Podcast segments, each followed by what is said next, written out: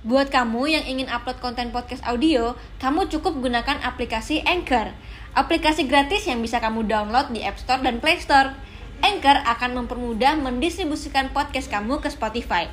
Ayo, download Anchor sekarang juga untuk membuat podcast show kamu. karena pas pacaran tuh pasti yang dilihat tuh kayak manis-manisnya aja jadi bawaannya tuh kayak wah kita harus nikah nih Mhm. karena kita udah cocok tapi pas udah nikah tuh pasti jelas beda Tren nikah muda ini tuh jadi berkembang lagi tuh apa? karena nafsu gak sih udah nikah kok kita pikir bakal jadi mesra ternyata enggak Hmm. misalnya aku nggak bisa tuh kalau berhubungan seks aku ditampar diludahin gitu dipukul aku nggak bisa Ci aku nggak tahan aku mau cerai aja Hmm. Ci Oke, nih kalau kita lihat nih akhir-akhir ini nih netizen itu lagi banget banget membahas tentang nikah muda. Nah, tapi dalam konteks nikah muda ini eh, banyak banget yang sekarang bukan banyak banget sih, maksudnya ada beberapa dan itu kayak sebenarnya nih, eh, ada yang ada yang cerai, ada yang pisah gitu kan. Tapi sebelum kita lebih jauh lagi, kita lihat dulu nih POV beberapa teman-teman soal nikah muda. nggak ada masalah selama eh, itu merupakan komitmen dari kedua belah pihak sesuatu hal yang menurut aku terlalu challenging buat aku aku merasa aku belum siap untuk eh, berkeluarga menikah muda itu justru lebih baik eh, daripada menikah di usia lanjut ya. ketika dia siap secara mental dan finansial, why not untuk menikah muda? kalau ada yang namanya les untuk persiapan menikah sebenarnya aku malah pengen ikut apakah aku sudah siap mengubah prioritasku yang tadinya mungkin buat aku sendiri jadi berubah jadi untuk orang lain Oke, tadi dia tadi itu dia beberapa eh, pandangan orang random, itu random tentang nikah muda. Sekarang sudah ada menikah muda, batang menikah dan orang bingung nih kok gak nikah-nikah. Kita akan bahas tentang nikah muda nih. Ada Nindi, iya thank you banget udah datang oke dan Cidea, terima kasih. Cidea ini eh, sexual health activist, healthy Betul. relationship speaker. Wah, apalagi nih banyak amat nih. content creator Content creator. Oke, thank you juga udah hadir. Kita akan membahas yang tabu-tabu kayak di sini ya. Oke, kalau menurut Cidea sendiri, itu tuh sebenarnya nikah muda itu tuh batas maksimal orang bisa dibilang nikah muda tuh umur berapa? Kalau menurut aku pribadi di bawah umur 24 ya makanya Hmm. tadi kalau ngomenin itu nikah usia lanjut lanjut itu usia berapa ya maksudnya Oke, berarti di bawah umur 24 lah ya. Mm-mm. Berarti nikah yang pas itu di umur berapa? kalau ngomong nikah pas itu usia menurut gue nggak ada, ada. sebenarnya nggak ada usia yang pas ya Hmm. asal memang udah puber sudah udah punya KTP paling enggak ya Oke. jangan kalau nggak nanti jadi child bride dong Iya, iya. dan sebenarnya kalau menurut studi sebenarnya riset Hmm? itu eh, bagian otak dan kedewasaan perempuan dan laki-laki itu belum fully develop ada usianya Hmm. makanya sebenarnya kenapa menikah muda tidak disarankan karena gini misalnya kalau untuk laki-laki itu otaknya baru mulai dewasa dan itu baru eh, fully develop itu umur 25 Hmm. kalau perempuan di usia 21 makanya kenapa kalau mau menikah kesiapannya itu sebisa mungkin 21 atau 25 tahun ke atas Oke. gitu Iya, aku juga sempat eh, baca-baca kalau cewek itu kenapa bisa dewasa duluan ya? Hmm. Jadi dewasa duluan, jadi kenapa harus cari laki-laki yang lebih dewasa lagi? Karena kalau enggak jomplang ya. Iya, bener. Karena kita yang lebih mature duluan dibanding laki-laki. Nah, denger tuh. Itu secara apa? Secara mental berarti ya? Atau secara apa? Iya, secara mental, emosional juga sebenarnya. Hmm. In general, nggak selalu. tapi emang sih Oke. Nah, ini eh, kita juga kedatangan Nindi. Nindi ini duh YouTuber dia ternyata ya. Tadi aku habis lihat YouTube-nya juga. Dulu nih viral banget karena nikah muda. Itu saat umur berapa Nindi? aku 18 tahun ya? 18 18 Ba- Sekarang 19. Sekarang 19. Nah, baru sebentar dong. baru satu tahun dua bulan Baru satu tahun Iya. dua bulan. Nah, singkat ya nah menurut Nindi nih gimana nikah muda? Menurut aku nikah muda itu ya fine fine aja sih buat orang. Cuman tergantung dari orangnya itu sendiri deh kayaknya. Karena kan butuh mental juga Mhm. terus menyatukan keluarga yang dua keluarga jadi satu itu sebenarnya susah. Hmm. terus kalau misal dari aku pribadi ya kalau misalnya orang yang pacaran terus eh, udah mau nikah tuh pasti sifatnya pasti beda jelas beda. Nggak yang dilihat dari pacarannya pas lagi pacaran itu. Karena pas pacaran tuh pasti yang dilihat tuh kayak manis-manisnya aja. Jadi bawaannya tuh kayak wah kita harus nikah nih Mhm. karena kita udah cocok tapi pas udah nikah tuh pasti jelas beda Kamu pacaran berapa lama sama mantan suami? 8. 8 bulan? Mhm. Kemudian menikah 1 tahun 2 2 bulan. bulan? Mhm. Iya udah, belum sampai 2 tahun justru kan. Iya. Oke, kenapa akhirnya memilih untuk berpisah? Karena emang emang nggak cocok sih kan, dari awal kan, eee, emang kita bersama karena accident gitu Mhm. kan. Jadi, eee, secara tiba-tiba kayak mendadak, jelas mental belum siap tapi harus disiapin, eee, tapi dari awal nikah tuh langsung dipikir, "Oh ya udah nih, eee, kita jalanin dulu, kita harus Mmm. siap mental dulu aja."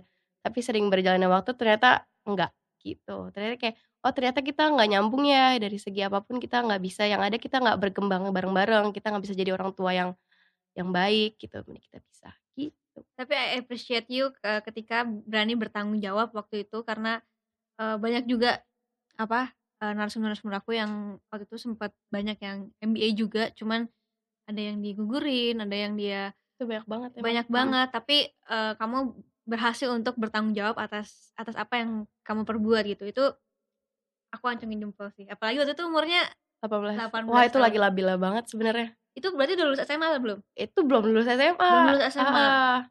Itu pas kelas 3 semester 2. Mau UN tuh? Iya, lagi zaman mau UN. Wah itu, makanya di situ sempet labil banget kan. Mmm. Kayak antara lanjut apa enggak nih, cuman makanya yang diyakinin dalam diri itu kayak, ya udahlah yang penting mental gue nih siap dulu, gitu. Akhirnya lanjut. Sa eee, apa yang membuat kamu akhirnya memilih untuk lanjut? Apakah, eee, dari lingkungan atau dari mana? Dari sebenarnya dari apa ya, nggak dari lingkungan sih jelas kan, Mmm. karena pas awal nggak ada yang tahu juga, kan Heeh. awalnya nggak tahu, jadi nggak ada dukungan dari kanan kiri, cuman aku ngeyakinin dalam diri, oh oh kalau misalnya emang suatu saat gue nggak nyambung sama orang ini, yang penting gue perjuangin dulu anak yang ada di dalam tubuh gue, gitu. Itu yang Gitu. bener. Luar biasa nih 18 tahun, waktu itu aku sih acungin jempol banget deh. Oke, tapi kalau bicara nikah muda, apa? Mau ngomong apa? Enggak. Hah? Enggak enggak enggak enggak. Hah? Mulutnya udah mangap tadi? Enggak enggak enggak, lanjut lanjut. Ngomong ngomong ngomong. Ya, itu sih yang udah aku bilang. Oke, tapi kalau semisal semisalnya kita flashback waktu itu tidak ada, eee, tidak diharuskan untuk menikah waktu itu, kamu tetap memilih nikah muda atau nikah di usia kamu punya nggak kayak target, "Eh gue mau nikah nih umur 25 ah," gitu? Nggak ada, sejalannya. Sejalannya aja? Iya, karena yang masih SMA juga pasti kan pikirannya belum ke sana juga nggak sih? Mmm, aku sih dulu udah ada sih. Oh, udah ada ya? Nggak, kalau aku belum. Kalau Jadinya dulu waktu SMA gimana? Enggak sih. Udah lama? Kuliah dulu sih. Udah, enggak, aku maksudnya kayak kayak sebagai kayak tapi aku sama teman-teman juga gitu tahu. Kayaknya, eee, nikah umur 24 kali ya atau 25 kali ya? Emang nggak ada kayak gitu? Enggak. Enggak sih. Kalau aku dulu, eee, malah kayaknya nikah umur 27, 28 Iya, deh. heeh heeh, aku juga Mhm. segitu. Enggak, Iya. dulu aku bilang kayaknya nikah aku mau umur 23, 24 ah. Tapi setelah ini sekarang aku udah 25 nih belum nikah-nikah. Jadi gimana ya, apa sih yang harus dipersiapkan nih kalau buat nikah? Tadi kan ada juga nih orang-orang nggak tahu kalau sebenarnya nikah itu sebenarnya ada ada pelajarannya juga gitu. Nah ini sampai sekarang aku juga belum belajar nih. Eee, ada yang kayak sampai waktu itu aku sempat baca di Cidea juga yang sampai gimana nih mau ngurus anak atau gimana nih mau nggak terima duit dari orang tua sampai sedetail itu kan. Mmm. Sebenarnya ada nggak sih, eee, pelajaran apa itu? Jadi sebenarnya ada 5 hal yang memang harus dibicarakan dulu sama pasangan sebelum memutuskan untuk menikah. Mhm. Jadi 5 poin ini adalah tentang misalnya, eee, apa namanya, eee, seks. Kita Mmm. ngomongin seks dulu ya. Karena misalnya gini, kalau dari awal memang selama pacaran misalnya ada Mmm. yang memilih untuk melakukan hubungan seks pranikah, ada yang misalnya, eee, memilih untuk menjaga juga misalnya. Mmm. Tapi nggak berarti nggak harus diomongin, karena Iya. yang banyak kejadian dari follower aku adalah ketika nggak diomongin, ketika sudah menikah mereka berpikir bahwa, "Oh nanti ya udahlah seks ngapain sih diomongin, udahlah nanti juga dilakuin." Mmm. Tapi yang banyak kejadian adalah malah akhirnya tidak berhubungan seks sama sekali. Ada yang namanya sexless marriage Mhm. jadinya. Kayak, "Loh kok udah nikah kok kita pikir bakal jadi mesra ternyata enggak," Mhm. misalnya. Atau ada juga yang, mmm, akhirnya ada mismatch antara frekuensi dan ekspektasi. Mhm. Ada follower aku ya waktu itu dia cerita, "Ci aku baru nikah nih, baru 1 tahun." Eh no, bahkan baru 2 bulan dan dia tadinya tidak pernah berhubungan seksual sama sekali sama si pasangannya, Mmm. akhirnya menikah. Tau-tau dia bilang, "Ci suami aku BDSM sukanya." aku nggak bisa tuh kalau berhubungan seks aku ditampar, diludahin gitu, dipukul, aku Oh. nggak bisa Ci, aku nggak tahan, aku mau cerai aja Mmm. Ci. Nah kan sebenarnya yang kayak gini menurut aku bisa dihindari dengan cara diobrolin dulu di Mhm awal. mhm. Benar. Jadi buat teman-teman yang memilih misalnya untuk tidak melakukan hubungan seks pranikah, bisa diomongin dulu. Sukanya apa? Gue orangnya kayak gimana, lu kayak gimana, nanti kita maunya apa. Nah itu Mmm. yang pertama adalah seks, yang kedua adalah kalau misalnya nanti memilih untuk punya anak, berarti seks anak. Mmm. Anak itu ngomonginnya, eee, mau punya anak apa enggak. Mmm. Karena mungkin zaman sekarang kayak aku pribadi, aku child free atau tidak Mmm. memilih eee, memilih untuk tidak punya anak gitu. Ada orang-orang yang memilih untuk tidak punya anak, jadi kita udah nggak bisa lagi, eee, mengeneral eee, mengeneralisir bahwa semua orang mau punya anak. Iya. Yang mana berarti kita harus tanya dulu, Mhm. "Kamu mau nggak?" Karena yang banyak kejadian ketika tidak diomongin langsung pikir, "Nanti juga mau punya anak lah." Ternyata along the way gitu udah menikah, mau mau punya punya anak. Benar. Terus akhirnya gimana? Mhm. Yang satu belum siap, satu dipaksa atau gimana jadinya? Ujungnya pisah juga misalnya. Nah kemudian selain anak juga, mikir juga, apakah siap nanti kalau misalnya punya anak, kalau misalnya anaknya autis, anaknya cacat, Bener. kira-kira gimana nih? Kita bisa handle nggak berdua? Gitu. Terus misalnya juga mendidik anak dan ada urusannya juga misalnya kalau misalnya agama beda. Mmm. Kan di kita juga banyak banget yang, eee, Beda memilih agama, beda agama tapi hajar menikah aja deh iya, nikah, nggak apa-apa bahagia saling cinta. Heeh. Tapi gitu udah anak berantem. Karena nggak tahu anaknya mau diajak ke mana. Kemudian soal uang. Jadi seks, aga eee, uang eh Seks, anak, seks, uang. anak, uang. Eh tadi agama juga. Mmm. Agama sebenarnya gini, agama tuh oke, mungkin KTP statusnya sama, misalnya Mhm. sama-sama muslim, sama-sama Kristen misalnya. Tapi yang satu sebenarnya ternyata ateis. Mmm. Yang Mmm. satu sebenarnya percaya Kristen. banget, sholat banget misalnya. Mmm. Itu sebenarnya kepercayaan kita itu kan, eee, berpengaruh banget sama yang namanya eee, they it really influence how we think. Mmm. Cara kita, mmm, apa namanya, cara kita me menyelesaikan satu masalah juga. Karena gini, percaya nggak sih kalau emang kalau kalian percaya Tuhan misalnya, Mhm. kalau kalian ada masalah, Iya, udah kita akan pasrah aja, Iya, Tuhan akan bantu kita. Gitu Kalau yang ateis, nggak bisa kayak gitu. Mereka akan mikir kayak, mmm, "Enggak, ini semua usaha gua." Harus berjuang nih. Harus berjuang Ada sendiri. usaha, ada hasil gitu. Iya, heeh. gitu. Nah itu udah beda. Itu kalau udah ada anak, itu bisa berantem lagi. Berdua aja bisa jadi berantem. Mhm. Nah terus tadi ngomongin uang berarti. Yang keempat adalah ngomongin uang. Uang ini, gaji aku, gaji kamu berapa? Kita nanti yang mau bayarin, eee, rumah tangga siapa? Mmm. Mau keluar duit siapa? Nanti kalau punya anak bayarnya kantongnya dari mana? Mmm. Terus orang tua perlu dikasih nggak? Kayak gitu. Dan itu baik banget. Uang tuh biasa tuh kayak tabu banget, kayak Iya sama iya. kayak seks Bener. gitu tabunya, nggak Iya. diomongin kan. Mhm. Padahal itu tiap hari uang mesti keluar loh berdua sebenarnya. Iya. Terus yang kelima adalah Mhm. Waktu atau karir. Karena yang banyak kejadian di follower aku juga adalah ketika nggak diomongin, mmm, apa namanya, jadi gini, mereka kerja sama-sama, Mhm. bangun karir. Tapi akhirnya along the way ternyata si cowoknya dapat kerjaan di luar pulau misalnya, Mmm. terus harus long distance marriage. Mhm. Gimana nih? Terus cowoknya bilang, "Kamu nggak usah kerja lagi, Mmm. kamu ikut aku aja ke pulau ini," gitu loh. Iya Terus iya, Mhm. terus itu follower aku soalnya. Terus, eee, istrinya jadi kayak, "Aduh Ci aku gimana ya? Aku juga lagi bangun karir di Mhm Jakarta. mhm. Nggak mungkin aku di nggak jadi gitu heeh, ya. ninggalin gitu aja, nggak kerja di pulau. Aku mau apa? Mau jadi apa?" Mhm mhm. Nah akhirnya goyah juga pernikahannya. Padahal dari sebelumnya sebenarnya udah bisa diomongin, kalau misalnya begini begini begini, kita harus gimana gimana gimana. Mmm. Gitu. Tapi kalau misalkan nih kayak kerja di luar pulau nih si cowoknya, dia nggak pernah terpikir nih bahwa dia akan kerja di luar pulau, itu ada ada guideline-nya nggak kalau kita harus nanya apa aja nih? Maksudnya apa sih yang harus disamain? Mmm, sebenarnya ini paling nggak kita bikin skenario-skenario Heeh. berarti. Kira-kira kalau misalnya ini terjadi, kira-kira kita akan ngadepinnya gimana ya? Karena kan kemungkinan akan selalu ada. Kayak misalnya gini juga yang perlu diomongin sebenarnya bukan cuma karir doang, edukasi misalnya. Mhm. Kalau tiba-tiba setelah menikah, aku mau S2 di luar negeri. Mhm mhm. Iya bener. Gimana? Masa pernikahan ditinggal gitu aja misalnya? Ada ada kayak tadi kan ada yang tuh yang ngomong ada kayak ada dia mau tuh kalau ada les atau kursus yang sebelum Yang yang ngajarin sebe gitu. yang ngajarin sebelum pranikah gitu. Kan itu biasanya ada pertanyaan-pertanyaan nih, kayak misalkan aku, eee, ada waktu itu sempet, eee, beli buku, satu buku di mana aku dan pasangan aku harus Pranikah jawab ya? Mhm. harus jawab, eee, tapi di dalam wak dalam waktu yang berbeda, nggak boleh barengan gitu. Nah nanti dicocokin sama atau enggak gitu dan itu harus dibahas satu-satu. Mmm. Begitupun misalkan kalau di gereja kita juga ada, eee, apa namanya, Bimbingan bimbingan pranikah. pranikah, itu juga mereka tuh ada kayak, eee, apa, ya ada modulnya lah istilahnya modulnya apa sih yang harus diomongin gitu. Nah kalau di luar itu Cici tahu lagi nggak ada apa lagi nggak? Sebenarnya udah banyak sekarang psikolog, Mhm. psikolog yang eh, apa marriage counselor sebenarnya Mhm. atau couples therapist yang bisa memfasilitasi itu. Hmm. Jadi ini bukan untuk yang cuma eh, mau menikah aja, bukan sebenarnya yang udah berpasangan kalau mau eh, ngecek aja sebenarnya gua sama dia cocok gak sih? Itu bisa sebenarnya ke relationship Mhm. eh, counselor. Mhm. Soalnya gini, biasanya bukan cuma ketika ada masalah, baiknya kita eh, counseling sebelum ada masalah. Dan kalau kita ada konflik, gimana sih kita ngatasinnya? Soalnya kadang-kadang, ya. hmm, kadang-kadang kita nggak ngerti ya. Iya Kok benar. gua marah-marah, dia juga marah-marah, terus Iya. kayak nggak ketemu Iya, solusinya. iya, iya. abrak. Counselor fungsinya di tengahnya. Iya. Dia akan menerjemahkan, oh dia tuh sebenarnya maunya begini-begini-begini loh. Kamu tuh sebaiknya bisa begini-begini-begini. Kira-kira Mhm, nanti ketemunya begini-begini, nanti ada PR masing-masing juga. Hmm. Itu menarik banget sih sebenarnya. Hmm, jadi pengen nikah. Lo enggak. Oke, tapi kalau di Indonesia ini kan lagi tren banget yang namanya nikah muda, lagi heboh banget. Yang cerai karena nikah muda pun ada juga gitu. Nah, sebenarnya apa sih yang yang bikin orang-orang tuh eh tren nikah muda ini tuh jadi berkembang lagi tuh apa kira-kira? Eh, menurut karena nafsu gak sih?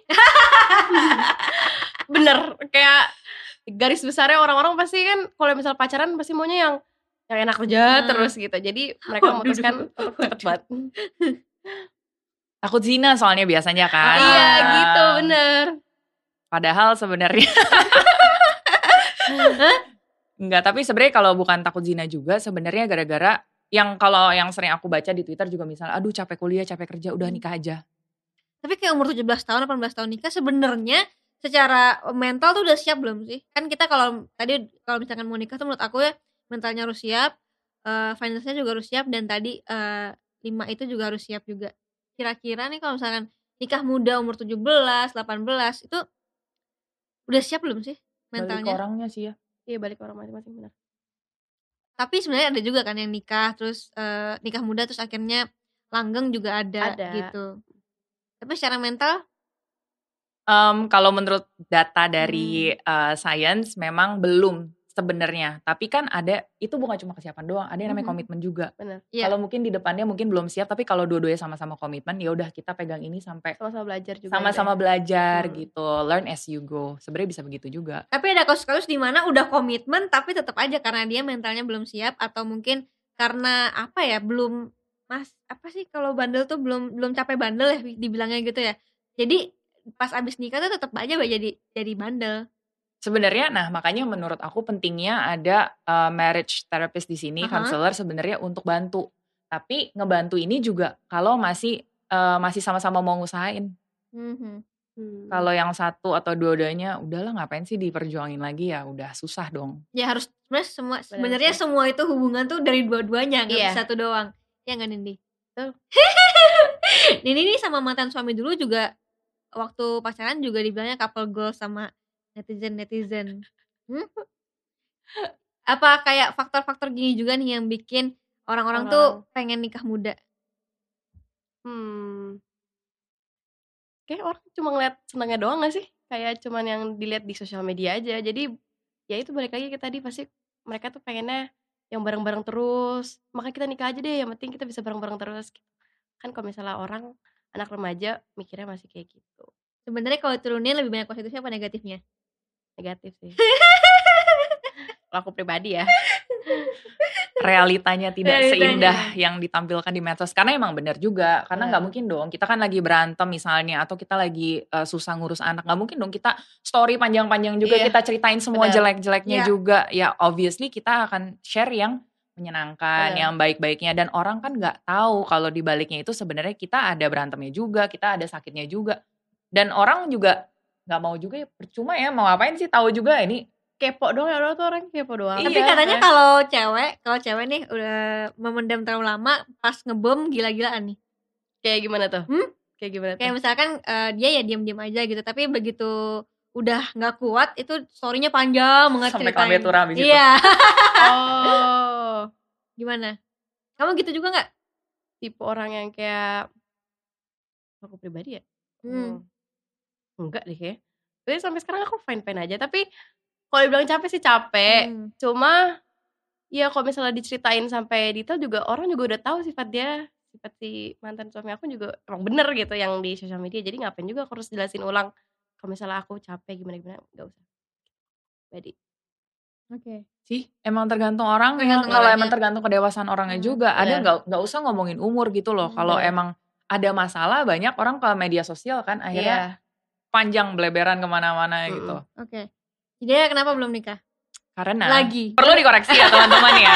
Dulu batal nikah. Dulu batal nikah Bukannya di pernah nikah. 2015 batal nikah. Iya. Oke, tapi kalau ngomongin seorang orang tua nih kan banyak banget mungkin di Indonesia ini atau di mana di Indonesia kali ya yang kayaknya kok cewek itu belum nikah di umur sekian kok kayaknya nikah dong, nikah dong gitu atau pacar malah pacar pasti ditanyain atau mungkin ditekan gitu ya. atau mungkin kalau lagi eh, lebaran atau Iya. eh, Natalan gitu mana pacarnya Iya, atau bener. kapan nih nikah nah itu itu kan stigma ya jadi kayak kalau 30 tahun belum nikah kok kayak udah udah anggapannya tuh kayak eh nggak laku gitu nggak kayak. laku Usia gitu. lanjut kan.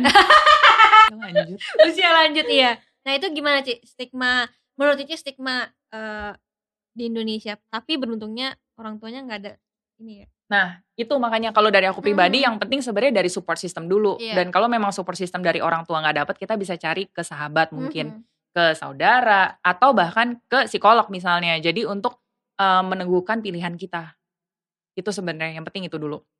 Jadi kita tahu apa yang kita mau, jangan kita melakukan sesuatu karena kita disuruh dipaksa atau untuk em, pressure Iya. dari orang. Karena ujung-ujungnya em, gimana ya? Akhirnya akan nggak bahagia dan mulai mempertanyakan kayak kenapa sih gue, kenapa gue begini ya? Hmm. Ini Iya, iya, iya, iya. faedahnya apa ya jadi buat Oke. gue? Kenapa gue harus ngelakuin ini? Benar tuh. Oke, tapi menurut Cidea nih sebagai seorang relationship health- healthy relationship ini menikah itu apa? Em, nikah itu adalah menyatukan dua buah pikiran dan keluarga ya kalau di Indonesia Nah. ya, karena nikahnya nggak bisa cuma berdua, nikahnya nggak bisa nikahnya nggak bisa biasa-biasa. nggak bisa. Apalagi kalau di Indonesia kayak ada teman aku yang kayak udah wajib bisa seribu ya kalau nggak lagi pandemi ya, harus Iya, ya. emang kayak menyebarluaskan banget gitu kan. Kalau misalnya nikah, menyebarluaskan ya. Iya kayak ini beri- eh, berita bahagia banget nih, makanya harus kayak kabarin si yang sebelah sana, kabarin Mhm. saudara di sana gitu. Kalau Indonesia kan gitu. Datang nggak datang terserah daripada dibilang kok ngundang. Iya, itu bener banget. Betul betul. jadi dat- jadi undang dulu ya, mau datang nggak datang terserah yang penting undang-undang gitu kan. Kalau makin banyak lumayan cuannya ntar bisa balik modal. Mana? Nggak ada sih yang balik modal kira-kira nih. Ya kan pandemi. Pandemi sih. Emang emang ada yang balik modal? Ada aja loh tergantung siapa dulu yang diundang. Enggak orang orang aku nih beberapa kali beberapa kali eh, sama teman sama teman-teman gitu dapat info kayaknya cuman 40% doang paling. Salah yang diundang. Oke, tapi sebenarnya nih kalau menurut Cidea juga apa sih eh, yang yang membuat eh, nikah muda itu nggak bertahan lama? Eh belum tentu. Belum tentu kan Ada ada juga. ada juga, Ada tapi juga. Tapi akhir-akhir ini nih kayak lagi heboh banget nih eh, nikah muda tuh nggak bertahan lama dan malah netizen kayak makanya jangan nikah muda atau kayak gini sih mental Iya. apa mentalnya belum siap udah nikah nikah aja gitu. Sebenarnya kalau menurut aku pribadi bukan masalah dari ya ketidaksiapan itu satu hal, Hmm. tapi yang bikin sebenarnya akhirnya nggak berhasil adalah ketika di awal mungkin memang sudah sejalan, Hmm. tapi kan eh, seiring berjalannya waktu kalian saling bertumbuh, tapi Iya. masalahnya bertumbuhnya bareng atau misah. Iya. Kalau kalian bertumbuhnya misah atau satu bertumbuh satu ketinggalan di belakang, Benar. Iya. ya capek dong. Jadinya bisa putus juga atau cerai juga. Nggak masalah umur sih sebenarnya. Nindi gimana Nindi? Kira-kira eh, setelah menikah di usia muda? Menurut aku bener sih balik lagi ke orangnya masing-masing. Dan karena kalau seumuran kita, kalau se- seumuran aku ya, bukan seumuran kan. Kalau seumuran aku pasti pikirannya belum ke belum kayak bener-bener harus eh, menjadi orang ibu orang ibu rumah tangga yang baik. Pasti kan pikirannya masih eh, mau bareng-bareng terus kayak cuma mau main-main doang. gitu. Hmm. Jadi menurut aku masih belum aku nggak nggak nyaranin buat nikah muda. Oke, waktu itu kan eh, jadi istri sekaligus langsung jadi ibu nih. Iya. Eh, menurut Nindi challenge-challenge apa aja sih yang Nindi waktu itu hadapin waktu nikah? Realitanya. Realitanya. eh lebih ke waktu sih. Waktu soalnya Iya, iya benar. Pas jadi ibu langsung hilang ya waktunya. iya waktu buat ke teman, buat cerita, buat megang HP pun susah. Jadi yang ada yang aku jalanin tuh waktu yang ada di Hmm. depan di rumah, yang di depan mata kayak ada anak nih gitu dan sering berjalannya waktu mama aku selalu kayak eh Nina belajar parenting pelan-pelan gitu. Jadi ya lebih ke waktu sih menurut aku.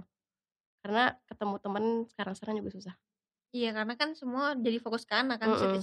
Ketika kita menikah tuh prioritasnya udah langsung berubah. Iya, benar. Tapi banyak juga sekarang yang nikah muda, tapi langgeng tuh banyak juga. Ada Kayak, eh, Nira juga langgeng, itu umur 19 tahun. Terus Natasha Rizky sama Desta juga Sampai sekarang sampai masih sekarang juga masih banyak sih, banyak banget. Oke, Makanya tergantung orangnya sih. tergantung Hmm. orang. Tapi pernah nyesel nggak nikah muda? Kalau aku pribadi enggak. Karena ini jadi pelajaran banget buat aku. Ya sebenarnya kita nggak boleh nyesel tentang apa pun Iya, ya, yang benar. udah- karena kan itu adalah masa lalu yang nggak bisa dirubah Benar. dan semua hal yang terjadi di masa lalu tuh adalah Itu kan pilihan kita, kita, sekarang. iya. Iya, dan itu pilihan kita gitu. Oke, apalagi Ci kalau nikah? Kalau ngomongin nikah. Kalau nikah muda dan faktor finansialnya itu tidak diperhitungkan, Mhm. apalagi kalau misalnya nggak disupport dari orang tua, misalnya berarti kan harus mulai dari nol sama-sama. Mhm. Kalau misalnya udah punya anak dan ternyata belum siap juga, itu akan melahirkan yang namanya sandwich generation Ya. baru. Misalnya kamu sendiri pun sandwich generation. Kamu masih harus biayain orang tua misalnya. Mhm, Terus kamu sekarang harus biayain pasangan, Baik, biayain anak. Akhirnya nggak cukup gitu loh. Dan yang banyak kejadian dari follower aku yang udah seumuran kalian, seumuran aku, em, akhirnya gitu mereka kerja, misalnya udah pun sampai level manager, misalnya udah kerja 6 tahun, kok Mhm. gaji masih segitu-segitu aja, duitnya habis mulu nggak pernah bisa nabung. Ya. Iya, Sedangkan benar. yang lagi viral sekarang adalah orang-orang yang mm, motivator-motivator yang Hmm. ngomongnya gampang gitu. Kesannya Benar. ya kan orang kalau mau kaya cuma perlu usaha sama kerja keras, Hmm. Ya lupa sama namanya investasi. Nah, ya lupa sama yang namanya banyak banget. iya, lupa sama yang namanya hoki. iya, sama orang dalam. Benar. Nggak salah. ya jadi semua ya misalkan eh, eh, semua sih sebenarnya tergantung orangnya dan Hmm. dan balik lagi ketika kita ketemu pasangan tuh juga eh apa ya yang cocok kan yang pas kan ada yang tadi kalau misalkan tadi Cici cerita yang soal seks seks setelah menikah tiba-tiba si cowoknya perlu eh, mau seksnya yang tipenya seperti itu Preferensinya beda. sebenarnya ada juga kan cewek yang preferensinya seperti itu juga kan jadi carinya bener-bener yang harus cocok tuh semuanya di lima tadi ada seks agama eh, uang eh, anak sama Waktu Waktu. atau karir. waktu atau karir oke ini pertanyaan terakhir dari aku Eh, misalkan ketika kita menikah muda nih tapi begitu menikah kita baru eh, realize bahwa oh ini oh ternyata butuh uang segini banyak ya. Oh ternyata ngurus anak tuh nggak gampang ya. Nah eh, apa sih yang harus eh, kita persiapkan nih at- atau apa sih yang harus kita eh, betulkan gitu agar agar sebenarnya eh, menghindari perpisahan? Support system. Penting banget. Itu dari orang tua dan keluarga itu penting banget. Karena em, aku nggak tahu ya kalau kayak Nindi misalnya. Kalau misalnya udah agak goyah misalnya Mhm. kalau support system dua-duanya dari keluarga mungkin saling mendukung saling mendukungnya tapi eh, bukan bukan sekedar kayak udahlah kamu ngapain jangan nggak usah cerai gitu Hmm. Bukannya dipaksain iya. tapi sesimpel mungkin mendukung pilihan kita juga Mhm. karena kan ngerti anak ya kan yang jalanin anaknya Iya, bukan benar. orang tuanya Benar. Mhm. orang tuanya nggak ngerti kalau di rumah kita ngapain ya apa yang Iya. kita rasain Mhm. suami kita misal pasangan kita gimana support system itu penting banget dan Mhm. kalau emang tidak ada dari orang tua dan dari sahabat bisa ke psikolog juga Mhm.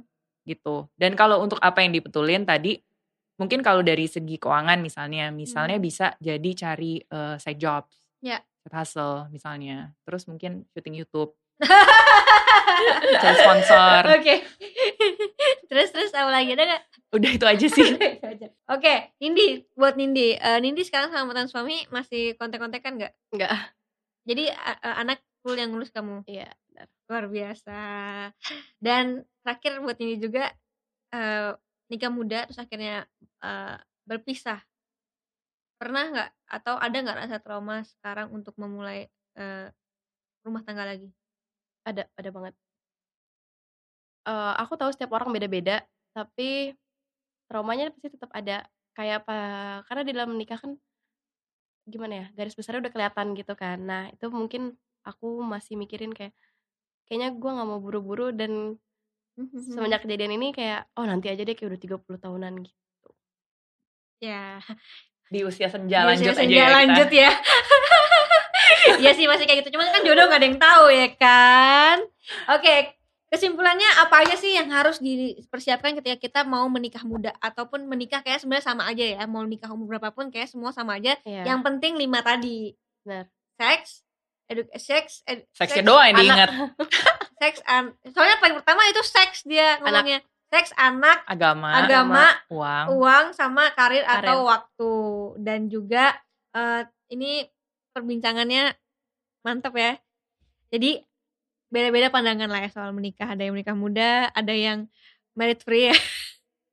Nanti aja Nanti nikahnya. aja, nanti aja nikahnya. Tapi bener deh semua jangan sampai kita menikah tuh karena eh, tekanan dari orang gitu ya. Eh lu Bener. kapan nikah atau ih kok nggak nikah nikah sih? Yang penting tuh kita bahagia gitu. Mau pacaran lama ya bahagia. Kalaupun sebelumnya bahagia ya jalanin aja. Mau mau ya tapi kalau udah mau nikah silakan nikah gitu. Tapi aku nggak mau kayak eh, nikah karena dipaksa atau eh, memang sudah Tekanan. tekanan harus nikah gitu. Dan sebenarnya kalau aku boleh nambahin ya, kalau untuk ngomongin tentang kita mau nikah atau mau punya anak pun kita harus tahu sih alasannya buat kita pribadi itu apa, kenapa kita mau melakukan itu. Hmm. Dan jangan sampai ada tadi paksaan, tekanan atau mungkin em, ya supaya ini karena teman-teman semua udah nikah jadi ya udahlah kayaknya aku Ikut nikah aja aja. deh, iya. Iya, ikut aja. Kita Iya. harus tahu alasannya kenapa. Dan itu kita bisa perjuangkan juga alasannya. Oke, thank Oke. you Ci Dea. Thank you juga Ya. Nindi udah hadir ke sini udah ngobrol-ngobrol soal nikah muda. Semoga dengan video ini banyak yang eh, lebih mempertimbangkan lagi lah ya dan dan juga eh, ketika menikah yang pasti kita harus harus siap dan harus tahu harus tahu kita tuh kenapa kita mau menikah dan itu bisa diperjuangin juga atau mungkin kenapa kita nggak mau nikah dan itu kita juga bisa perjuangin ke orang-orang yang dekat kita. Betul. Oke, thank you banget. Eh, sampai ketemu di video berikutnya. Dadah. Dah. Cie, nonton sampai habis ya. Makasih ya. Jangan lupa follow Instagram aku di sini dan nonton video lainnya di sini.